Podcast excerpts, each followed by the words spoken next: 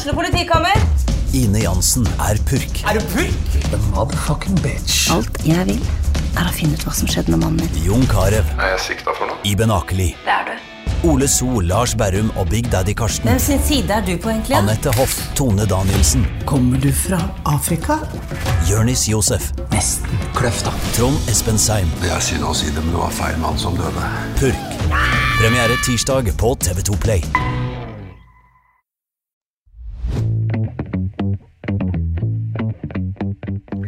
Hjertelig velkommen tilbake til TV-podden. Denne gangen med rojalt tilsnitt. Vi skal snakke om eh, abdik, abdik, abdiksjon og arv... Nå, Abdikasjon. ja, dere må, nå må ta si det en gang til, du som kan dette. Abdikasjon, ja. Abdikasjon, nemlig, nemlig. Og den som prata nå, det er eh, den rojale kunnskapsministeren her i distriktet. Det er Carl Erik Grimstad. Velkommen. Tusen takk. Tidligere sursjef på Slottet på 90-tallet, bl.a., og nå venstrepolitiker. Og ø, min kollega Lars ø, Døvle Larsen er også med. Velkommen. Takk, takk. Vi skal prate om ø, dette å abdisere og ø, arverekkefølge osv. Og, så videre, og det har gjort seg aktuelt nå i disse dager. Hvorfor det, Lars?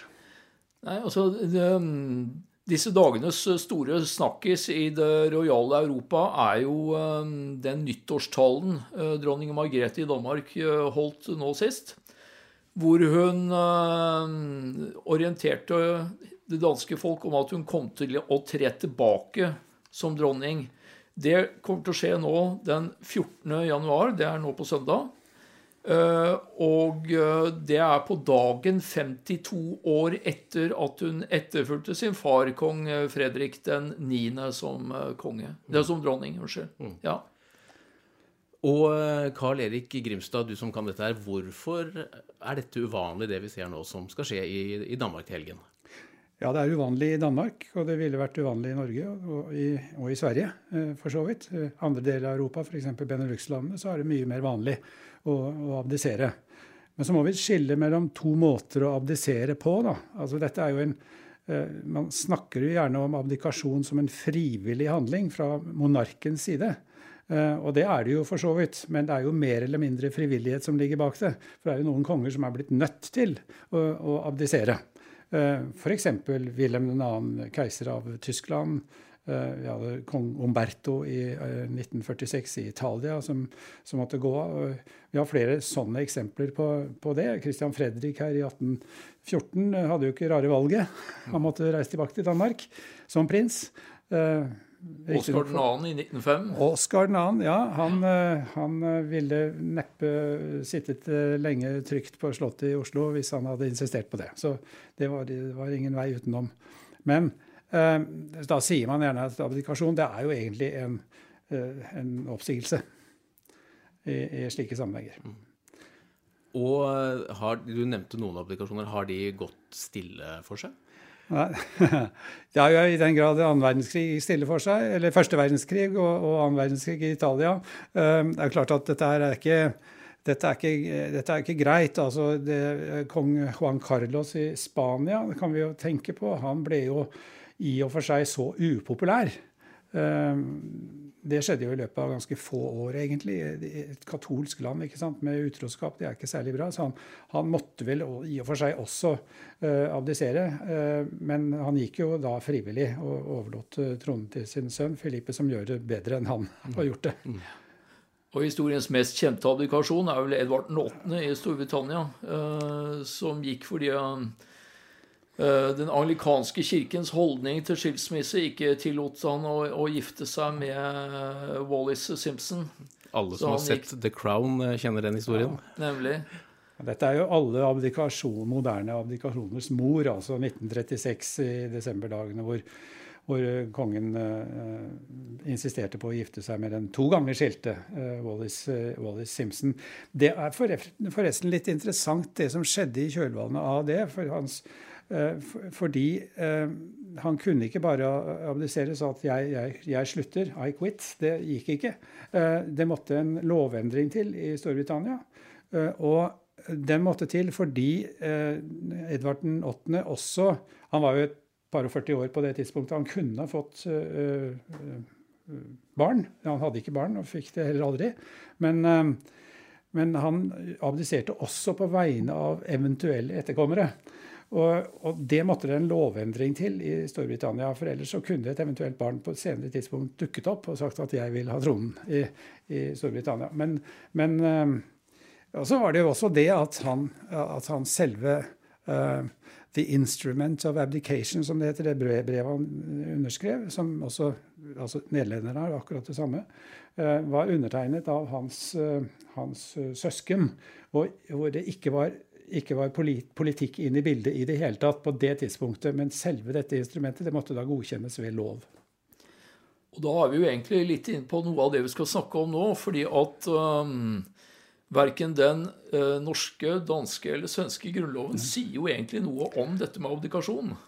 Nei, og, og, det er nok en av grunnene til at dette her eh, blir så spektakulært som, som det ble altså nå i Danmark. Det kom jo slå ned som en bombe, må si det. og og det skrives jo nå om at eh, ikke engang kronprins Fredrik visste om dette før tre dager før. det er kort varsel for en så vidt jobb. Ja, liksom, men han slapp jo å søke den jobben, da.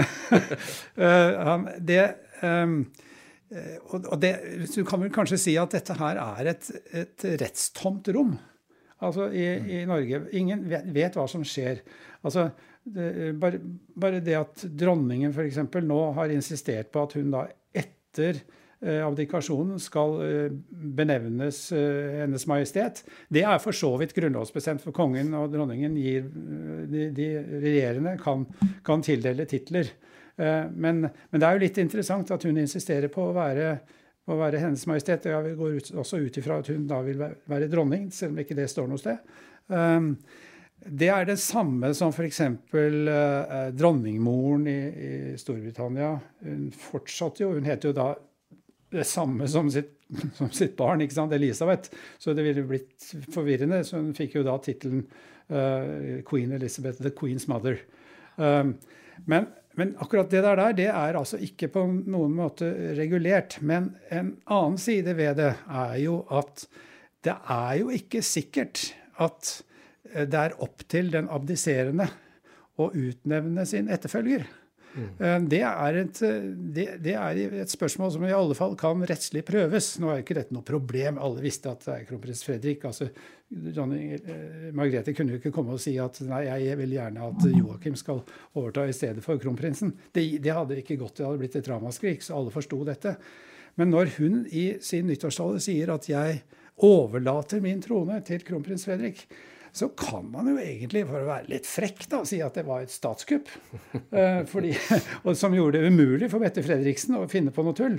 Eh, det ville hun som sagt da ikke funnet på uansett. Men like fullt så er det altså den danske statsministeren som utroper den nye kongen.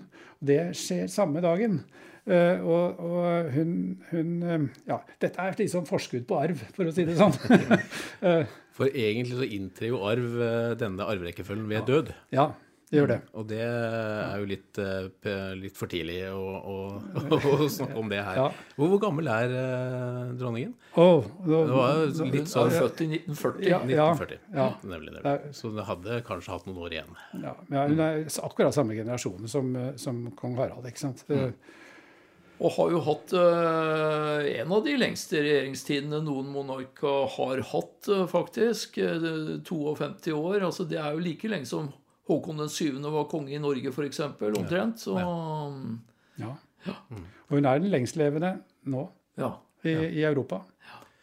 Faktisk. Uh, og uh, når, når, man da, som hun da er på, på, på ny, et nytt landskap, da, når man skal på en måte uh, abdisere, hva slags støtt, hvem er det hun kan snakke med om sånt for å få råd? Har du gjort noen tanker rundt det, du som, du som har litt sånn inside information fra kongehusene? Nei, For det første så tror jeg hun snakker best med seg selv. Altså Hun er jo eh, sin egen beste rådgiver og har vært igjennom en rekke politiske omveltninger i Danmark. ikke sant? Og hun, hun hadde jo hele sin eh, altså Født i, før, ja vel, men altså, da har hun jo liksom krigshistorien også sånn noenlunde tett opptil seg. ikke sant? Og vi hadde jo en helt annen krigshistorie knyttet til kongehuset i Danmark enn vi hadde i Norge. Hun, altså hun, hun har et vel av erfaring. Uh, og så har hun et veldig tett forhold til både uh, kong Harald og kong Carl Gustav med familier. Daisy heter hun da i, i de kretser. Hun kalles aldri Margrethe i familien. Nei. Det er Daisy. Daisy har vært på ski med dronning Sonja utallige ganger. Jeg har hatt gleden av å møte henne flere ganger. Hun Det er en utrolig festlig og interessant dame. Men i det øyeblikket hun er i det formelle, når hun møter pressen osv., så, videre, så er hun jo en uhyre streng monark. Altså, er, Det er ikke noe løsnipp, det skal jeg si deg. Og, og hun er jo kjent for å ta, for å ta en journalist for eksempel, som tiltalte henne som du en gang. Så sier hun jeg vet ikke helt om vi er, er, er dus, sier hun da, og korrigerer vedkommende. og det er jo, altså, Hun er jo dessuten ufattelig arrogant eh, når hun er i det formelle hjørnet. Men eh, og hun har veldig sans for former. Altså, på, eh, altså politiske Det har aldri vært noe det har vel egentlig aldri vært noe tull med, med, med, med dronning Margrethe. Det har jo vært, eh, Selvfølgelig er hun kontroversiell ved at hun fratok sine barnebarn prins- og prinsessetitler. Mm. Det, er, det, er ikke, det fikk hun jo kritikk for, men på en annen side så er jo det helt i tråd med den den norske tradisjonen, f.eks. Eh, jeg er litt forundret over at hun også i Norge fikk litt kritikk for dette, for hun er jo egentlig en moderne monark, samtidig som hun holder, som hun holder formene ved, ved, ved like. Så, så streng, dette er en streng dame eh, som har mye erfaring, men hun har jo også selvfølgelig et hoff rundt seg som har som har veldig innsikt i hva som foregår. Det er jo klart at det har vært samtaler på politisk nivå i forkant av dette her. Det kommer jo ikke overraskende på, på statsministeren, vil jeg tro. Dette har vel ikke blitt noe politisk Det har ikke blitt diskutert i Danmark i ettertid, dette her, eller? Det har gått stille for seg. Ja. Og hvis vi da, Dette var danske Daisy, men hvis vi da ser litt uh, det her uh, med vår kong Harald uh, hvordan er situasjonen der nå? Eh, kunne man ha sett noe lignende skje her eh, i Norge? Det har jo ikke blitt noen stor diskusjon om dette her. Eh, vi har jo eh, ikke hatt noen eh, tradisjon for at kongen har abdisert i Norge. Heller ikke når vedkommende er blitt syk. Altså, Kong Haakon falt, brakk lårhalsen og ble varig svekket eh, et par år før han døde. Da var det faktisk noen som, som begynte å sende ut følere til han om han kanskje kunne være interessert i å trå tilbake for sin egen skyld. Altså hvis han følte seg gammel og sliten og at, dette, at han hadde fått nok. Trenger du en pause? Eh, ja, omtrent. Og, eh, og så var det jo så, så, via kanaler i Arbeiderpartiet så nådde dette fram til avisa Nordlys oppe i Tromsø, som, som faktisk skrev en leder Uh, hvor man uh, nærmest litt begeistret tok til orde for at kanskje så burde skje. Uh, men det som viste seg, var jo at kong Haakon ble faktisk ganske såret av dette her og ble lei seg. Og, og Gerhardsen, eh, som var statsminister på det tidspunktet, skjønte dette og, og, og trakk nokså raskt eh, disse følgerne tilbake. Og kong Haakon ble jo da i, navnet sittende til, eh, til, han døde i 57. Men eh, med kronprins Olav som regent mesteparten av den tiden. Mm. Og så gjentok jo dette seg i noen grad da kong Olav fikk ja, flere sykdomstilstander. Det var både hjerte- og jernblødning og, tror jeg, og det med andre det siste leveåret. Eh, og hvor kronprins Harald tok over. Men det er klart at dette Dette har jo vært forholdsvis tidsavgrensede perioder.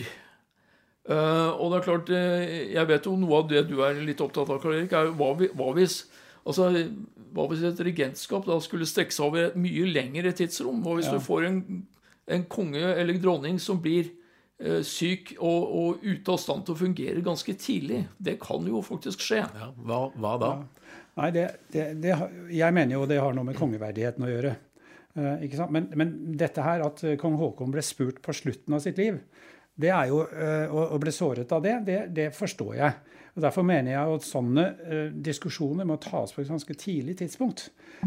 jeg, eh, jeg tror det er mer enn 20 år siden så skrev jeg en kronikk om dette temaet i forbindelse med en bok jeg skrev, eh, hvor jeg, hvor jeg tok opp dette og sa at jeg, i gitte situasjoner altså Dronning Margrethe husk at hun er fysisk svekket, ikke psykisk. Men om det hadde vært en person som hadde blitt fysisk eller kognitivt svekket, mm. og som ikke hadde vært i stand til å ta seg av noen verdens ting, hva hadde det skjedd med, med kongeverdigheten? Vi har jo denne regentsituasjonen, men det er ikke det samme. Ikke sant? Det er, eh, jeg tror at hele Altså de som mener noe om kongehuset, noe positivt om kongehuset, mener jo jeg burde være tilhengere av abdikasjon for å ivareta denne, eh, denne eh, verdigheten som tilkommer. Og det, det er jo interessant det du sa om kong Olav, for jeg jobbet jo på Slottet det siste året av hans levetid. Og eh, på et tidspunkt så, så, er det klart at da blir man ikke i stand til å eh, altså det, Eller for å ordlegge meg på en litt annen måte Det var ikke uproblematisk at han var kognitivt svekket i løpet av det året. Mm. Eh, heller ikke eh, rent politisk, for å si det sånn. Så han skal jo lede statsråd.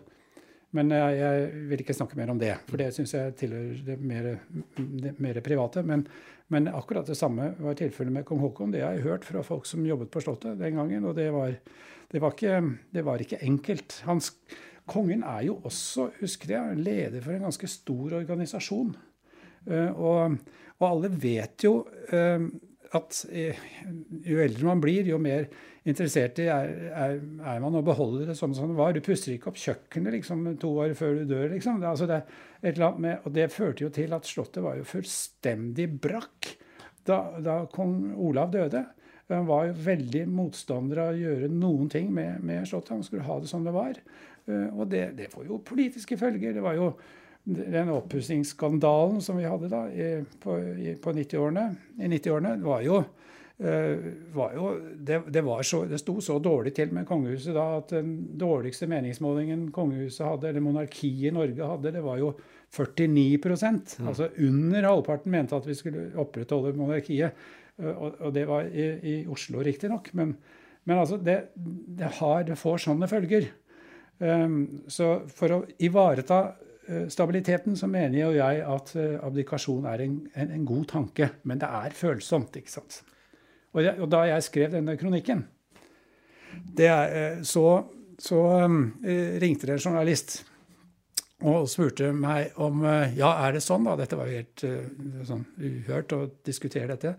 Er det sånn at Du mener at kongen skal ha en vanlig pensjonstilværelse, da? Så tenkte jeg meg litt om, og så sa jeg jo, jeg mener jo for så vidt det. Hvorfor ikke? Kall det gjerne pensjon. Og så kom det da en stor tittel dagen etterpå i en av, uh, av tabloidavisene. 'Kongen må gå av når, når, han er 67'. Der har du journalister. Det er litt av en gjeng, Lars. ja, ikke sant? Føler du deg truffet? Ja, det var hundemøkk i postkassa, ikke sant. Mm. Og det, så, og det, må, det, er sterke følelser i seg. Det er veldig sterke følelser. Og det, når, når 6, eller 63% mener nå at kongen må sitte til han dør, ikke sant, så har det noe med at man ikke vil fornærme institusjonen eller kong Harald. Og det er, jo, eh, det er jo noe av det som gjør det vanskelig å snakke om dette her. Også fordi at eh, de tre monarkene vi har hatt i Norge i nyere tid, altså Håkon 7., Olav 5. og Harald 5., har jo alle vært veldig populære eh, og respekterte konger.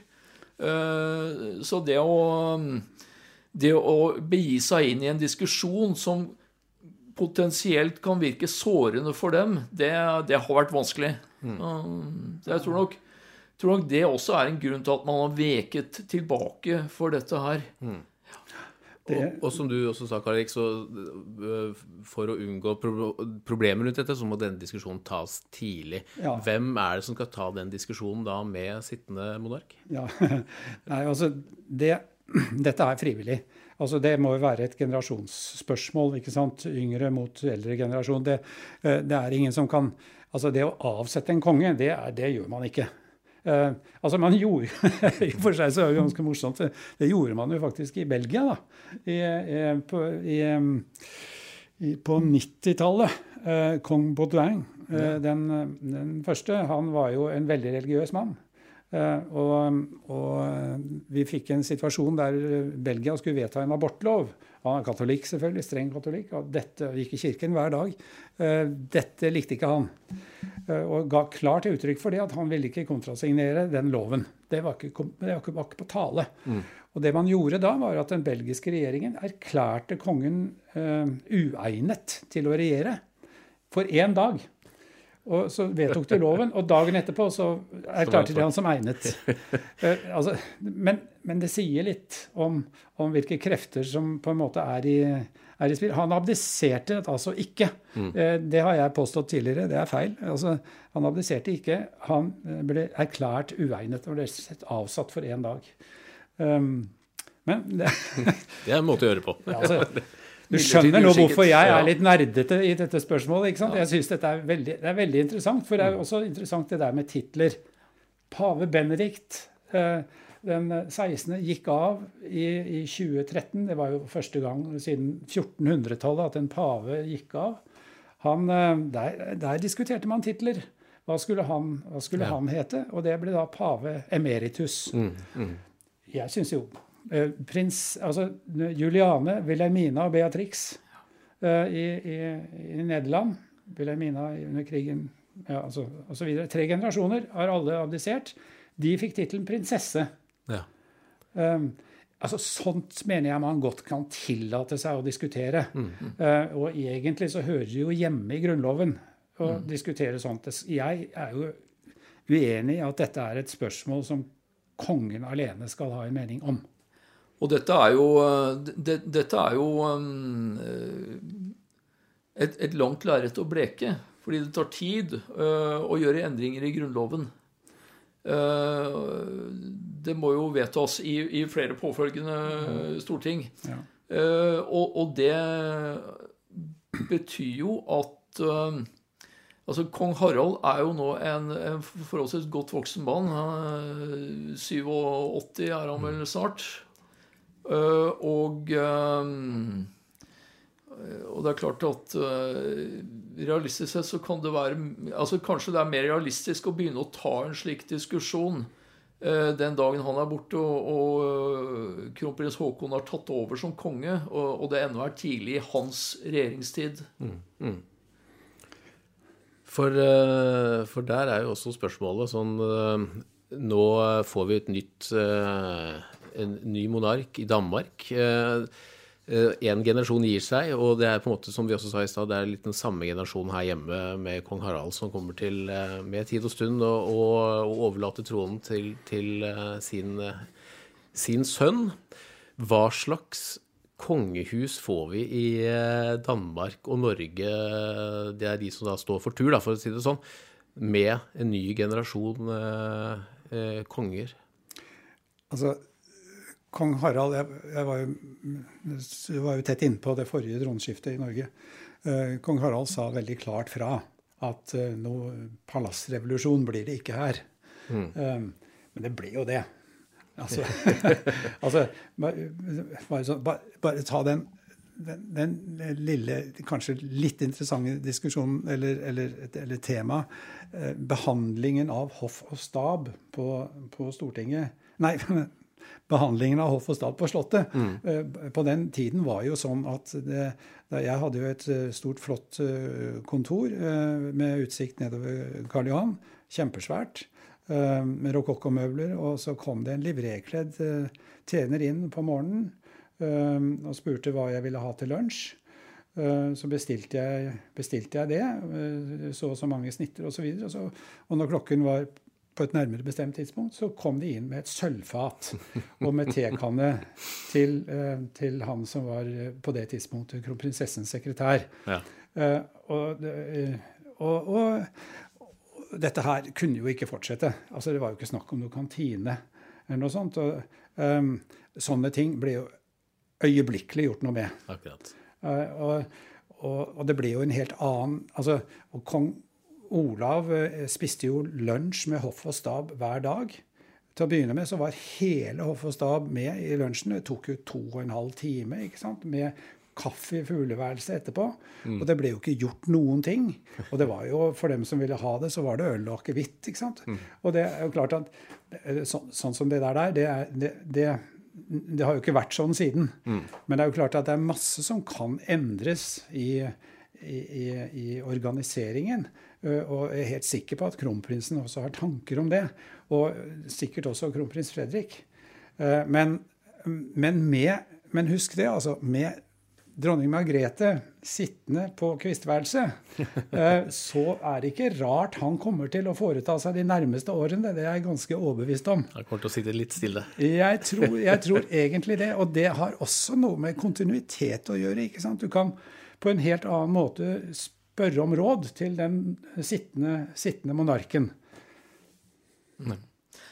Og det, det bringer oss jo- altså, Du skal jo mm, snart bli en av våre faste torsdagsspaltister, Karl Erik. Og, og vignetten for din spalte er jo rett og slett ordet makt. Er det, er det et maktspørsmål? Hvem som er, øh, hvem som er konge og ikke konge, og, og hvordan vedkommende utøver gjerningen?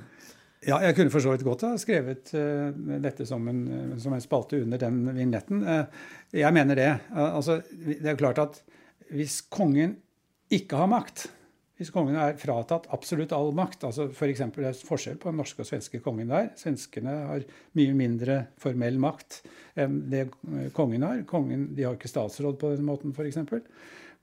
Så, så lenge man har det, det som på engelsk blir kalt efficient function, altså at du, at, du har en, en, at kongen faktisk har en politisk rolle å spille, så er det klart at da er det mye mer påkrevet å, å stille spørsmålet om abdikasjon.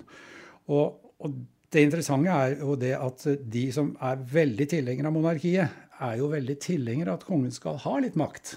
eh, Skal spille en rolle, en formell rolle. Men samtidig så er det disse folkene som er minst tilhengere av abdikasjon.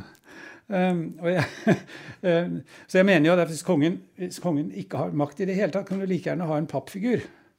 Um, så vi, vi må finne det riktige balansepunktet der. Men jeg mener jo at abdikasjon eller ikke abdikasjon dreier seg om, uh, om, om uh, monarkens uh, makt og maktutøvelse. Enten symbolsk eller, eller, eller særlig politisk. Da. Vi har jo hatt noen tilfeller i Norge ikke sant, hvor, uh, hvor man sier at kongen har grepet inn. altså uh, Kongens nei uh, kjenner vi godt, og Hornsrud-regjeringen i 28, selv om jeg mener at dette ikke var noe altså, Det er igjen et nerdespørsmål for meg. Jeg mener jo at kongen ikke hadde den makten som mange har fremstilt at han hadde. Men det er en annen, helt annen sak. Men det er, altså, kongespørsmålet i Norge, det monarkiske spørsmålet i Norge, er i stor grad spørsmål om makt. Og én ting er jo den rent eh, formelle makten altså, knyttet til det å sitte i statsråd og åpne Stortinget og alt det der, men du har jo, du har jo også um, som, som monark i Norge en ganske betydelig sånn moralsk makt, ikke sant? Så det, det eh, henger jo noe, mye sammen med liksom dette å holde taler, eh, kunne si de riktige tingene på det riktige tidspunktet osv.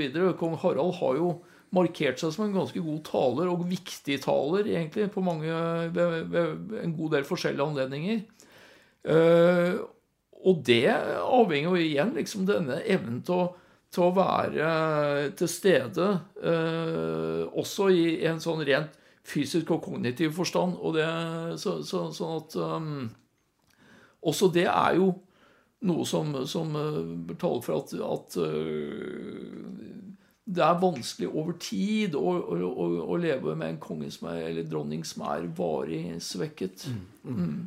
Vi har jo vi har jo for så vidt helt greie bestemmelser i Grunnloven i dag for hva som skal skje hvis kongen for, eller dronningen er mindreårig, eller hvis vedkommende er syk. Eh, Men, men dette med, med mm, eh, abdikasjon har vi altså ikke noe bestemmelse for. Det er jo helt riktig. Mm. Det er jo faktisk eh, litt interessant å tenke seg tanken på at kong Harald skulle gå av da. Ville han mistet sin symbolske posisjon som følge av det? Neppe. Altså Folk vil fortsatt betrakte han som gamlekongen. Og, han, eh, og så lenge han er interessert i å utøve noen form for moralsk tyngde overfor befolkningen, så vil han ha den posisjonen. Han kan ta imot journalister, selvfølgelig, og, han, og dronning Margrethe. og For ikke å snakke om eh, dronning Beatrix, hun sa jo klart fra da hun abdiserte at 'jeg vil fortsette å representere kongehuset'. Og, det, eh, og det har hun gjort med tyngde. Meget aktet dronning, eller prinsesse, da, i, i Nederland. Um, eh, det samme jo da, ville jo da skje med, med, kongen. Og så har vi jo Det er jo ikke bare kongen det dreier seg om her. ikke sant? Det dreier seg også om, om dronningen, selvfølgelig. Så i dette, i dette, rommet hvor det på en måte ligger lite skrevne regler, så har eh, den, den monarken stor frihet til å skape sin egen rolle? Åpenbart. Og det, mye av det som skjedde i kjølvannet av 22.07, er, jo, er jo et eksempel på det. da. Eh, og, og jeg brukte jo, Da jeg skrev min første bok om, om kongehuset, så brukte jeg denne eh, stormen på Nordvestlandet som et eksempel på det. Hvor, hvor kongen altså besøkte eh, Nordvestlandet i den berømte boblejakka. Eh, før statsministeren hadde fått på skoene. Mm. Og det ble jo et politisk tema, for Gro hadde uh, falt på ski og skadet halebeinet sitt i Nordmarka og, og, og kunne ikke reagere. Men så, så, ble det av en eller annen grunn Uh, eh, Jeg kjenner grunnen for så vidt, men altså det ble en forglemmelse. Så, så, så ble altså ikke statsministerens kontor orientert om at kongen skulle reise til Nordvestlandet. Det Eh, ble, eh, Gro var litt sur for det. Det tror jeg hun fortsatt i dag kan underskrive på. At kongen kom inn i forkjøpet. Men det sier litt grann om den tyngden som kongen har. Mm. Altså det, det, det, er eventyrlig hva Altså det å oppleve signingsreisen, f.eks. Det var en fantastisk en fantastisk begivenhet mm. å se den oppslutningen som, som kongehuset får. Og jeg Eh, og jeg er jo helt sikker på at kong Harald, uansett hva han måtte finne på å gjøre, vil ha den posisjonen eh, så lenge han lever. Mm. Kan du som et lite sidesprang nevne et lokalt eksempel fra atskillig lenger tilbake i tid? Tidlig på 60-tallet, da man åpnet Esso-raffineriet på Sjagentangen. Eh, så vet jeg jo at bedriftsledelsen der ville egentlig ha kong Olav til å stå for den åpningen. Eh, men det satte regjeringen Gerhardsen seg imot, fordi at dette skulle feires som en industripolitisk seier eh, for Arbeiderpartiet. Eh, derfor var det da Einar og Werna Gerhardsen som kom nedover i spissen for et stort følge. Og det er jo vel vitende om at der kongen kommer, så stjeler kongen showet, rett og slett. Mm, mm. Ja. Vanskelig balansegang, det der. Ja. Du, Karl Erik, eh, til søndag kommer du til å følge, følge begivenhetene i København. Nå blir det, jo ikke en, det er jo ikke en sånn veldig sånn kroning sånn som vi kjenner eh, her. Nei. Eh, det foregår litt andre former, men, men, kommer du til å sitte og følge med på dette? Ja, det, selvfølgelig. Det, det, skal bli veldig spennende å se hvordan, hvordan danskene tar imot dette. Fordi det er jo klart at med de tette forbindelsene man har mellom det norske norske og danske kongehuset, så, så, så, er det klart at det er nok flere enn meg eh, som har greie på, på kongestoff, som kommer til å følge dette. Mm. det er jeg overbevist om. Eh, så, så, tror jeg eh, vi, skal, vi, kommer til å se en forsiktig eh, modernisering. Eh, nå får jo danskene også på søndag en ny kronprins. Eh, fordi, og, en, til og med en kronprins som er myndig. Mm. Eh, ble 18 år nå rett før, før jul. Det er jo også interessant å følge med på, fordi han For Christian har jo vært på en måte, han har gått litt under radaren siden det er tredje generasjon, ikke sant. Ja. Um, så, altså, han ville jo også måtte gjennomgå et ganske kraftig taktskifte i, i sin tilværelse. Mm. Hva er mest spennende å sitte og følge på sånn TV-overføring? Er det kongelig bryllup, eller er det, eller er det kroninger? Nei, jeg syns jo alltid det, er morsomt, altså, eh, alltid det er morsomt å se på det politiske bak, altså. Mm. Det, slik at når eh, Det er klart at Mette Fredriksen kommer jo også til å få et lite løft eh, på, på søndag, når hun utroper den nye kongen. Akkurat som norske journalister de drømmer jo, eller NRK-journalister drømmer jo om å, om å, sitte i studio den dagen eh, kongen dør. Det vet jeg eh, skjedde i, i, i 1990.